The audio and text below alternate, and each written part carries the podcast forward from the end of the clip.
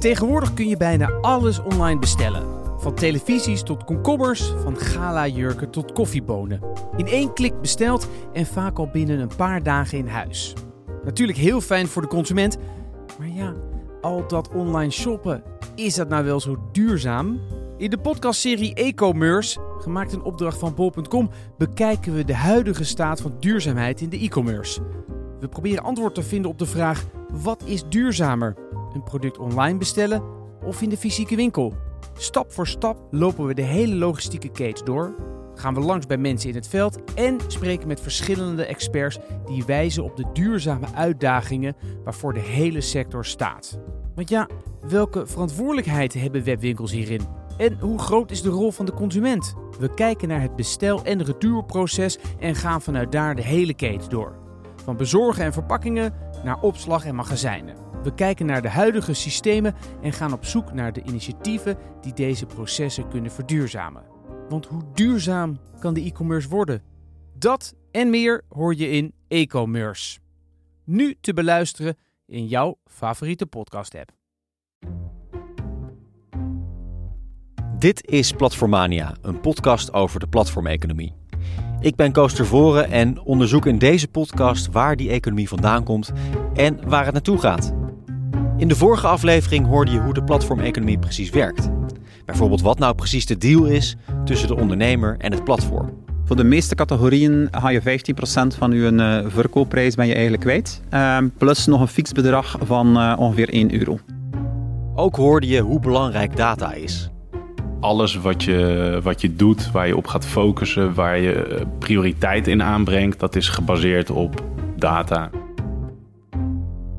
In deze aflevering zoomen we nog meer in op de ondernemers en wat zij nou precies aan dat platform hebben. Dat platform, het is natuurlijk verrekte handig, dat is wel duidelijk. Groot bereik, een groot deel van de service wordt geregeld, net als de betaling. En de winsten van ondernemers nemen dan ook toe. Maar voordat ik het aan de ondernemers vraag, ben ik wel benieuwd hoe platforms hun eigen waarde schatten. Om daarachter te komen sprak ik af met de eigenaar van een atypisch platform in deze serie. Niet een platform dat de verkoop van spullen faciliteert, maar juist het boeken van rustieke vakantiehuisjes in de natuur. Natuurhuisje heet het. Ze helpen verhuurders van vakantiewoningen aan huurders en nemen het hele boekingssysteem uit handen. De eigenaar is Tim van Oerle en ik sprak hem op de plek waar het allemaal begon, namelijk een houten huisje in een bos in Brabant. Een bijzondere plek waar, uh, waar ik zelf uh, samen met mijn broer uh, een natuurhuisje gebouwd heb. Ja. Echt vanaf de grond af aan zelf gebouwd? Ja, klopt. ja, we zijn een groot fan van het concept natuurhuisje uiteraard. en we zien ze graag zo extreem mogelijk en zo basic mogelijk. Uh, dus dit is er ook niet een uh, die uh, aan de gasten besteed is en waar je echt heel luxe kan slapen of zo. Ja. Maar je kan er slapen. Heel, ja. als je extreem bedoel je gewoon heel erg basic. Ja, ja extreem back to basic. Ja. Back to basic. En dat slaat aan. Ze gaan zelfs internationaal met hun Airbnb voor de echte natuurliefhebber. We hebben natuurhuisje.de, uh, natuurhuisje.be, Maison Natuur. Uh, en onlangs hebben we nog uh, zes andere landen geopend. Dus we, zitten nu, we zijn nu actief in twaalf Europese landen. Dus dat groeit wel hard? Ja, zeker. Ja, ja, ja. En, en wat wij natuurlijk, corona is voor ons eigenlijk een, eigenlijk een drijver geweest die het versneld heeft, de, de groei. Um, omdat ja, dit zijn natuurlijk de plekken waar je nu wil zijn. Dan ben je gewoon veilig en uh, ja, in ieder geval uh, op afstand van anderen. Laten we eens even binnenkijken. Ja. In drie dagen gebouwd, ja, ongelooflijk. Ja, ja, wij drie dagen, mijn vader misschien nog wel iets meer. Je vader vijf maanden. Ja, nou, dat, uh, ja. Oh ja, dat is, dat is wel mooi. Ja, dat, is, dat is echt een natuurhuisje. Het is echt ja, puur van hout. We hebben hier ook al een paar keer geslapen en dan een kampvuurtje erbij en dan ja, een beetje hier wakker worden. Ja, dat, wat willen mensen nog meer? Hoe kom je bij deze plek dan? Ja, dat, um, mijn ouders hebben dat al twintig jaar of zo. Ooit een keer in de krant gevonden.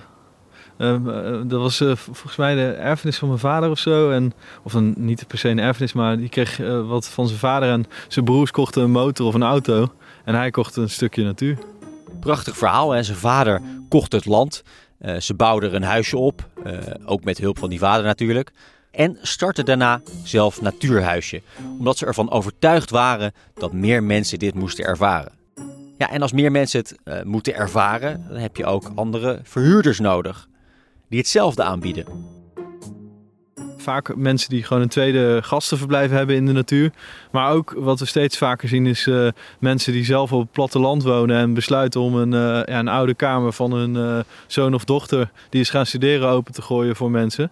En ja, dat mensen gewoon ja, een kamer in de natuur kunnen boeken. En waarom kiezen zij ervoor om dan via een natuurhuisje te verhuren, niet via een Booking of Airbnb, twee grotere platformen? Ja, ik denk dat dat eigenlijk tweeledig is. Dus enerzijds, uh, ze worden onderdeel van een uniek uh, aanbod. Dus niet, letterlijk niet alles komt bij ons door de ballotage. Dus we gooien niet alles erop.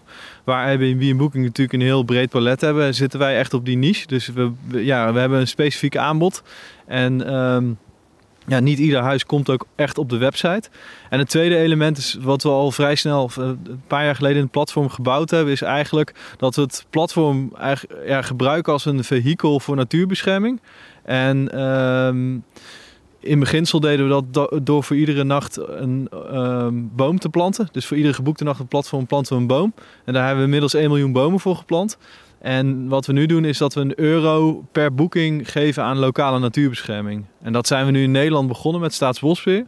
Uh, onlangs, twee weken geleden, hebben we ons eerste project gerealiseerd, een uh, wildkijkscherm op de Veluwe. Um, maar het idee is dus dat ja, door het bouwen van een groot platform, dat ook gewoon een significant gedeelte van die omzet teruggaat naar de natuur. En ik denk dat dat element ook voor verhuurders een ja, best wel belangrijk ding is. Ja. Je ook nog even binnenkijken of niet? Uh, ik denk het wel. Ja. Volgens mij. Zoeken. Ja, de sleutel zit volgens mij ook aan deze. Er zit er ook een, uh, een bad in? Nee, er zit geen bad in, nee. maar wel een bed? Nee, niet eens een bed. Ook niet? Nee, nee het is gewoon echt op matjes. Ja. Dus je moet wel echt van de natuur houden. Ja, ja, ja. Oh ja, ja. Nou, het ruikt ook echt naar een natuurhuisje. Ja, toch? Ja, heerlijk. Ja.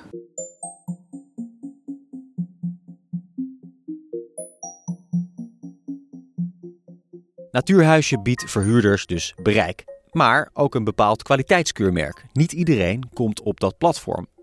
En ook zijn ze duurzaam. Een euro per boeking gaat dus naar lokale natuurbescherming. Maar als we even inzoomen op degene die verhuren via Natuurhuisje. Dat zijn dus mensen die uh, een extra kamer over hebben omdat uh, zoon of dochterlief is vertrokken. Ja, die hoeven minder te verdienen dan een ondernemer die uh, zijn eigen winkel heeft, daarvan moet leven, spullen verkoopt ja, die hecht toch wat meer waarde aan bereik, zou je denken. En ja, dat bieden die platforms. Maar je zou zeggen dat dat ze ook op een bepaalde manier afhankelijk maakt van die platforms. Hoe afhankelijk zijn ze? Straks hoor je daarover weer Kitte Koelemeijer. Zij is hoogleraar marketing en retailing aan Nijrode. Maar eh, eerst even dit. Ik ging langs bij Ecover in België. En Ecover is een bedrijf dat milieuvriendelijke huishoudartikelen verkoopt. Van allesreiniger tot wasmiddel. Je hoort Steven van den Ouweland. Hij is Head of E-commerce bij Ecover en dus verantwoordelijk voor de online verkoop. Begin de jaren 2000 hebben we dan de oversteek gemaakt uh, over de Nederlandse grens en zijn we ook bij Albert Heijn en dergelijke komen uh, te liggen. Begin 2000 begon Ecover met het verkopen via de Albert Heijn en daarna ook andere supermarkten. In eerste instantie met tussenkomst van een distributeur, uh, maar vanaf 2014 gingen ze zelf de bevoorrading doen. Ze merkten dat het online via ah.nl, de website van Albert Heijn, bovengemiddeld goed ging. Juist omdat hun product, dat milieuvriendelijke, slechts voor een aantal mensen interessant is. Uh, het was wel een marginaal gegeven. Dus daarmee wil ik zeggen, niet uh, marginaal in de, in de juiste context van het woord. Namelijk dat het echt super, super niche was. Dat het ook maar een zeer beperkte marktappeal uh, had. Dus het sprak maar aan voor 2 à 3 procent van de bevolking. Die bevolking werd eigenlijk nog eens, of die mensen werden nog eens een beetje omschreven als geitenwolle sokken mensen. In die zin dat ze halve hippies waren die uh, volledig plasticvrij leefden, die niet durven om iets te gaan vervuilen. En eigenlijk ja, zeer donkergroene uh, visie op het leven hadden. Maar stilletjes aan zien we wel gewoon dat dat product veel meer mainstream uh, is gegaan. En we zien nu dat eigenlijk het groene segment in de was- en reinigingsmiddelen ondertussen in sommige categorieën, gelijk bijvoorbeeld de handzeepjes, is het al 15% van de markt. In een aantal categorieën zit daar rond de 5 à 10%. Uh, ja, dat uh, geitenwolle sokken imago of dat uh, treehugger imago van vroeger, dat we dat helemaal aan het afschudden zijn en dat we meer en meer een volwaardig alternatief zijn voor een, een chemisch product. Er zijn gewoon meer hippies gekomen. Of er zijn uh, meer hippies gekomen. Ik denk inderdaad dat er inderdaad meer hippies zijn gekomen, omdat het maatschappelijk bewustzijn rond klimaat uh, een van de grote veranderingen is geweest, denk nu, van het afgelopen twee jaar. Dus ik denk dat we gewoon als maatschappij gewoon meer, iets meer dan die hippie-filosofie hebben overgenomen, maar uiteindelijk wel voor the greater good. Toen Ecover online begon te verkopen, ging dat heel goed omdat ze een hele specifieke doelgroep wisten te bereiken. Maar nu de vraag toeneemt voor milieuvriendelijke producten, worden ze nog beter gevonden. Sinds een aantal maanden verkoopt Ecover via bob.com, dus via een platform. Bob.com is niet alleen zeer sterk in Nederland, maar ook in België. Heeft nu ook de stap gemaakt naar Wallonië. Dus eigenlijk in onze belangrijkste twee markten, waar we de hoogste uh, uh, merkbekendheid hebben, heeft Bol.com de sterkste positie. Dus uh, van daaruit zijn we eigenlijk, uh, ja, was voor onze stap maken naar Bol.com de meest logische stap. Uh, we hebben ook wat, wat waren de alternatieven eigenlijk? De alternatieven zijn uiteraard uh, Amazon, die vanuit Frankrijk en vanuit Duitsland opereert en een grote impact heeft op de Belgisch-Nederlandse markt. En sinds kort is er zelfs ook een Amazon.nl website gelanceerd. Dus dat is zeker een volwaardig alternatief. En daarnaast zijn er ook veel meer niche-spelers die ook ehm, specifieke plat, of een platform maken voor specifieke producten, uh, waar dat we eventueel ook uh, aanwezig zouden kunnen zijn. Voor Ecover is bereik dus heel belangrijk. Bob.com heeft dat natuurlijk, maar Amazon ook. Toch verkoopt Ecover daar niet. En dat heeft niet alleen met bereik te maken. Amazon heeft ook veel mensen die op je website kopen. Maar ik denk uh, op dit moment, uh, denk ik, is Amazon, staat dat nog in de kinderschoenen in, uh, in België en Nederland. Ik denk het gebruikelijk was, de, als je spreekt met een Amerikaan over Amazon en je spreekt met een Belg over Amazon, die hebben een volledig verschillende interpretatie van de hoe ver dat de tentakels van een Amazon kan, kan gaan. Uh, maar Amazon is, voor, is denk ik ook iets functioneler qua opzet. Als je gaat kijken naar Bol.com, Bol.com is een merk, Bol.com is een, is, een, is een partij die een zekere emotionaliteit bij je losloopt, uh, die ook een zeker dyna, uh, imago uitstraalt van het moet fun zijn, die ook hard inzetten op duurzaamheid. En dat zijn toevallig ook twee kernwaarden die je ook bij ons ziet terugkomen. Dus er is ook een zeer sterke match tussen wie dat wij als bedrijf zijn en waar dat wij voor willen staan en waar dat eigenlijk bol.com voor staat.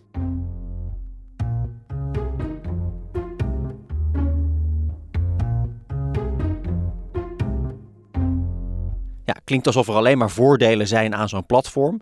Maximaal bereik voor je product, maximale winst. Ja, en toch zijn er bedrijven die niet verkopen via platforms. Kitty Koelemeijer, hoogleraar aan Nijenrode, weet waarom. Er zijn ook merken die zeggen wij doen hier niet aan mee. Uh, Nike is onlangs uh, weggegaan bij Amazon.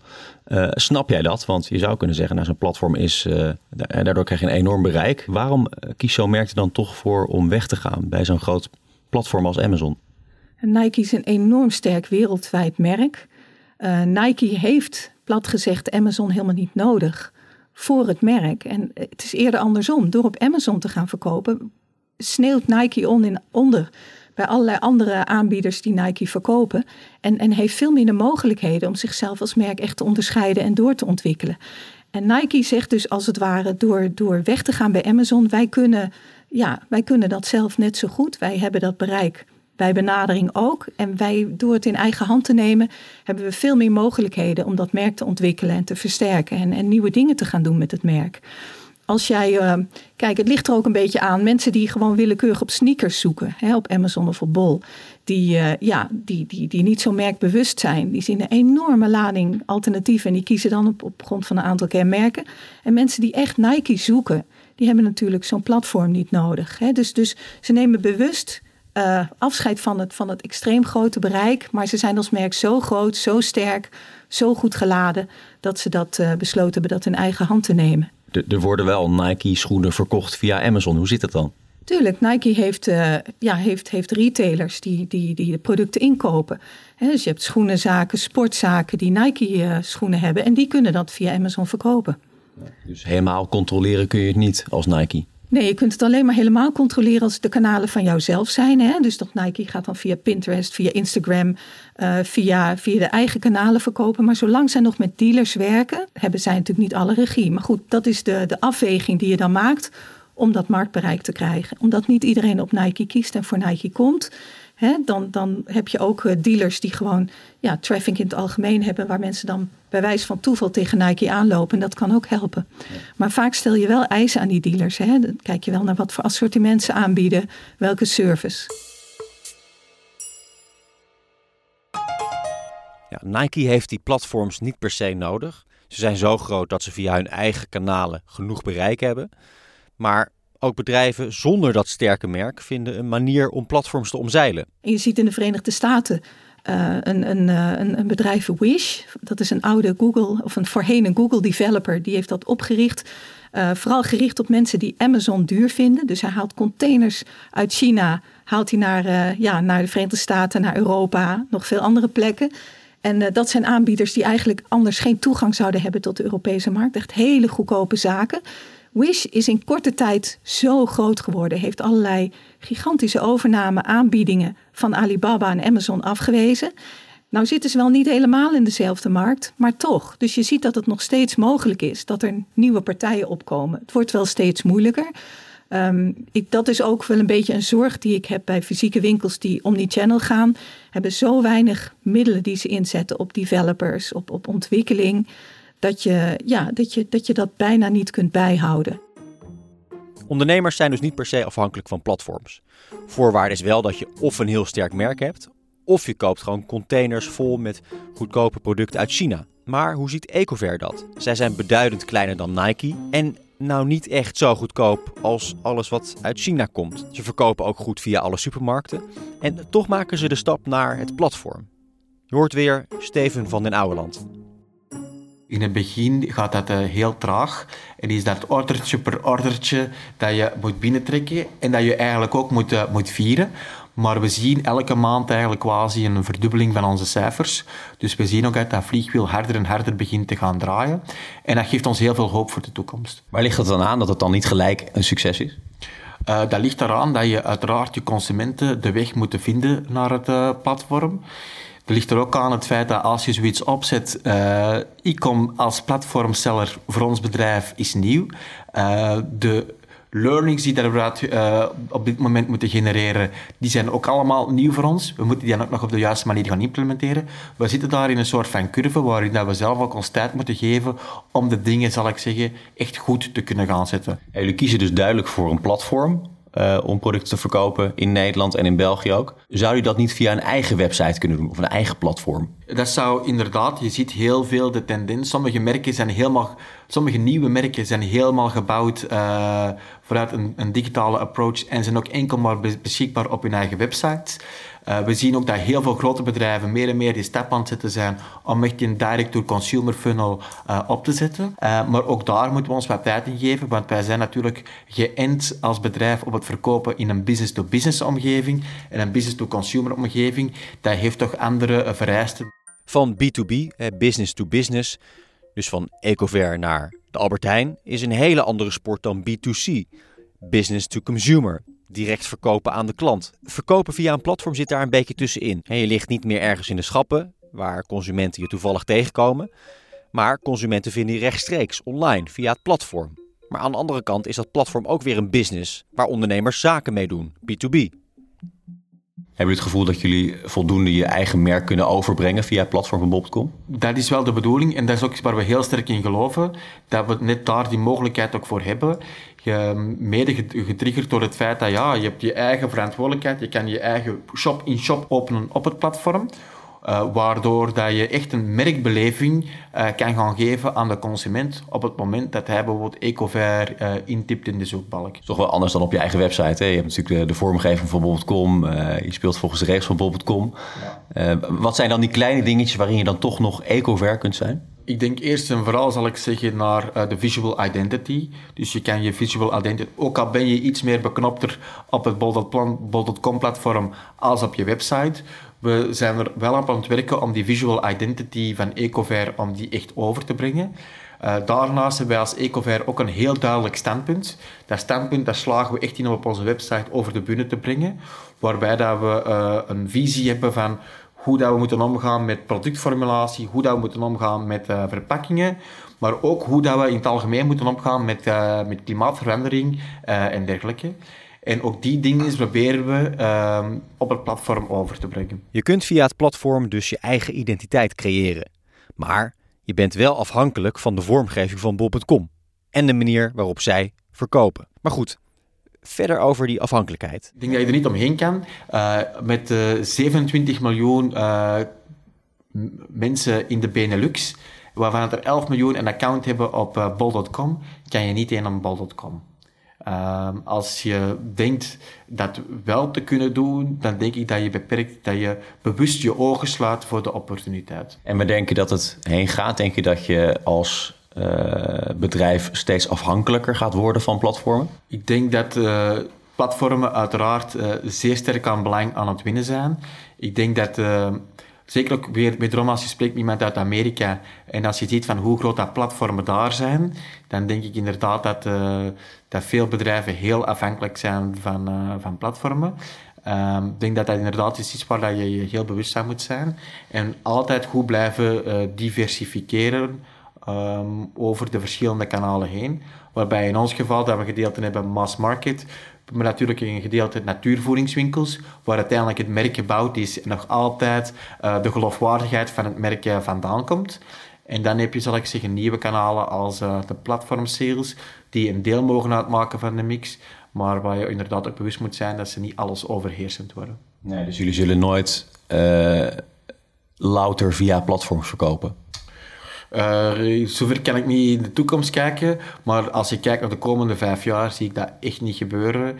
Uh, dat platformen meer dan de helft uh, van onze verkoop gaan uitmaken. Is er een tenzij, tenzij er iets gebeurt? Uiteraard is er altijd een tenzij. Niemand had COVID ooit verwacht. en dat een pandemie op zulke schaal ons kon overkomen. En zie ons hier nu zitten.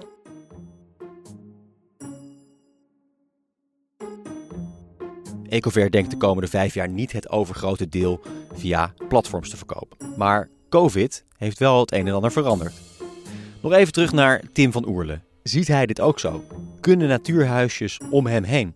Ik denk dat veel verhuurders ook wel verbaasd zijn over hoeveel er uiteindelijk via ons gaat. Dus dat we, dat we ook echt wel veel boekingen doen. En dat ze dus ook niet per se op een boeking of Airbnb hoeven te gaan staan.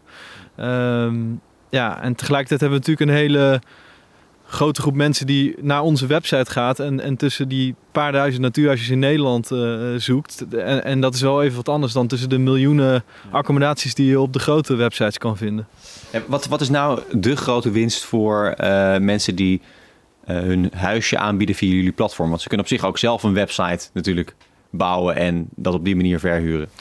Ja, dat kan en dat, dat doen ze in veel gevallen ook wel. Um, maar de, de, grootste, grootste winst zit hem denk ik wel gewoon in het uh, aantal boekingen. En bedoel, als je dat allemaal zelf moet gaan uh, klaarboxen binnen, ja, binnen Google, dan, dan is dat gewoon echt een lastig verhaal. Um, omdat je met heel veel con concurrentie zit. En wij, ja, wij hebben gewoon een hele grote schaalvoordelen. Dus we hebben gewoon superveel verkeer op het platform überhaupt al. Um, en, en, ja, en daardoor dus die boekingen. En als je dat allemaal alleen wil gaan doen, dan is dat lastig. Wat, wat je vaak wel ziet is dat verhuurders natuurlijk wel een eigen website hebben en dat vaak op een visitekaartje zo meegeven aan mensen. En uh, dat, uh, dat gebeurt wel veel. Maar om echt uh, ja, nieuwe boekers binnen te halen is dat best wel lastig. Om dat allemaal zelf voor elkaar te krijgen. Vind je dat vervelend dat ze dan proberen hun eigen website te promoten nadat ze een keer via jullie hebben geboekt? Nee, uh, eigenlijk niet. Ja, uh, het ondermijnt in a way onze business. Maar aan de andere kant denk ik wel, dan moet je het als platform maar zo goed doen dat het gewoon prettig is om terug te komen. En dat proberen we ook alles aan te doen. En bijvoorbeeld door, door een euro per boeking terug te geven aan de natuur, dat, dat zit er gewoon automatisch in. Dat regelen wij allemaal voor je.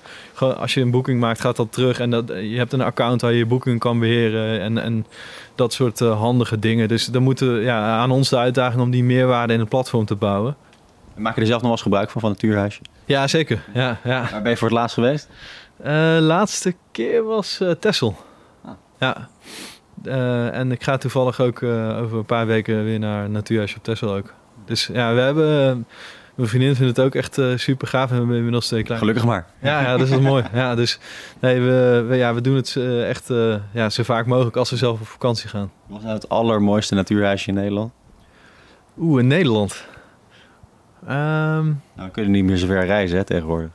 Nee, nee, nee. Um, ja, we hebben de, dat is, daar zul je over verbazen. Maar in Nederland hebben we echt idioot veel vette plekken nog.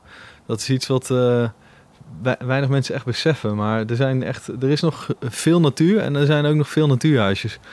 Uh, maar in Nederland zou ik denk ik gaan voor natuurhuisje op de, uh, in de buurt van de Loonse en Drunische Duinen. Het staat gewoon echt in het natuurgebied van de Loonse en Drunische Duinen. En met van die, uh, van die rood-witte luikjes en als een gietjehuisje. Een beetje van hout is het ook.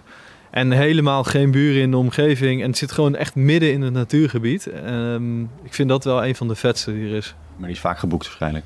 Ja, ja, ja, die is overigens ook wel redelijk back to basic van binnen. Um, maar er zijn heel veel mensen die dat gewoon ook wel gewoon heel leuk vinden. Um, en dat huisje is, uh, ja, dat natuurhuisje is uh, stijf vol. Ja, dat is met de goede dingen. Die gaan heel hard. En het zit echt heel snel vol ook. Ja. Ook voor die kleine niche-spelers wordt er veel uit handen genomen. De boekingen worden geregeld, de betaling, de agenda. En de schaal is toch echt belangrijk. Zo'n populair natuurhuisje zit gewoon altijd vol. Dus die afhankelijkheid is er zeker. Tenminste, als je een groter publiek wil bereiken. Maar is het dan wel een eerlijk speelveld? Nou, die vraag ga ik proberen te beantwoorden in de volgende aflevering. De volgende aflevering van Platformania. Te beluisteren in jouw favoriete podcast-app.